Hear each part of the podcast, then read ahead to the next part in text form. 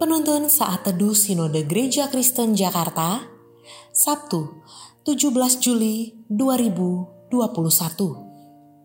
Judul renungan, Beban yang tak membebani. Diambil dari Nats Matius 11 ayat 30.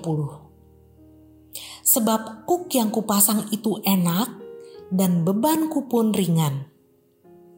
Sejatinya, semua manusia menanggung beban yang teramat berat yaitu dosa. Dosa adalah beban yang sama sekali tidak dapat ditanggung sendiri oleh manusia.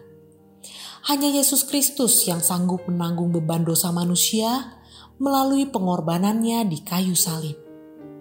Hanya Kristuslah yang sanggup memberikan kelegaan dan kelepasan dari beban dosa. Tetapi mengapa Tuhan yang sudah membebaskan kita dari beban dosa masih memasangkan kuk yang seakan-akan menjadi beban baru untuk kita? Kuk dalam hal ini berbicara tentang campur tangan Tuhan untuk mengarahkan dan menuntun kita pada jalan kebenaran yang dikehendakinya. Sebab, jika tidak diarahkan dan dituntun, maka kemanusiaan kita memiliki kecenderungan untuk memberontak dan menempuh jalan yang salah kita bisa menyimpang ke kanan atau ke kiri karena kita cenderung menuruti hawa nafsu kedagingan daripada tunduk pada pimpinan Roh Kudus. Ada kalanya Tuhan harus menarik kita dengan memasangkan kuk supaya kita mau tunduk pada kehendaknya dan tidak menyimpang dari jalan kebenarannya. Jadi, tujuan kuk itu bukan untuk menjadi beban berat yang menghancurkan kita seperti halnya dosa.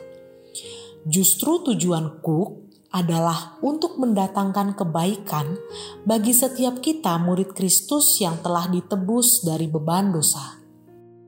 Kuk yang Tuhan pasang membuat kita sadar dan kembali taat kepada kehendak Tuhan penyertaan dan kesetiaan Tuhan yang selalu menopang serta memberikan kekuatan ketika kita harus berhadapan dengan beban hidup.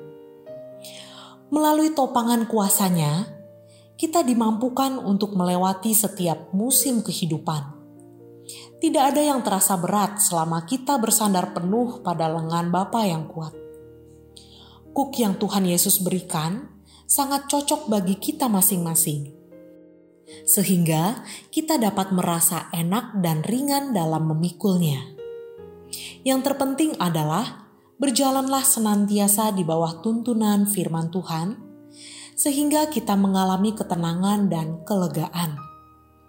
Lakukanlah segala sesuatu bersama Tuhan, sehingga kita dipenuhi damai dan sukacita sejati, baik dalam keadaan lancar maupun penuh tantangan berjalanlah di bawah tuntunan Tuhan, maka saudara akan mengalami ketenangan dan kelegaan. Tuhan Yesus memampukan kita.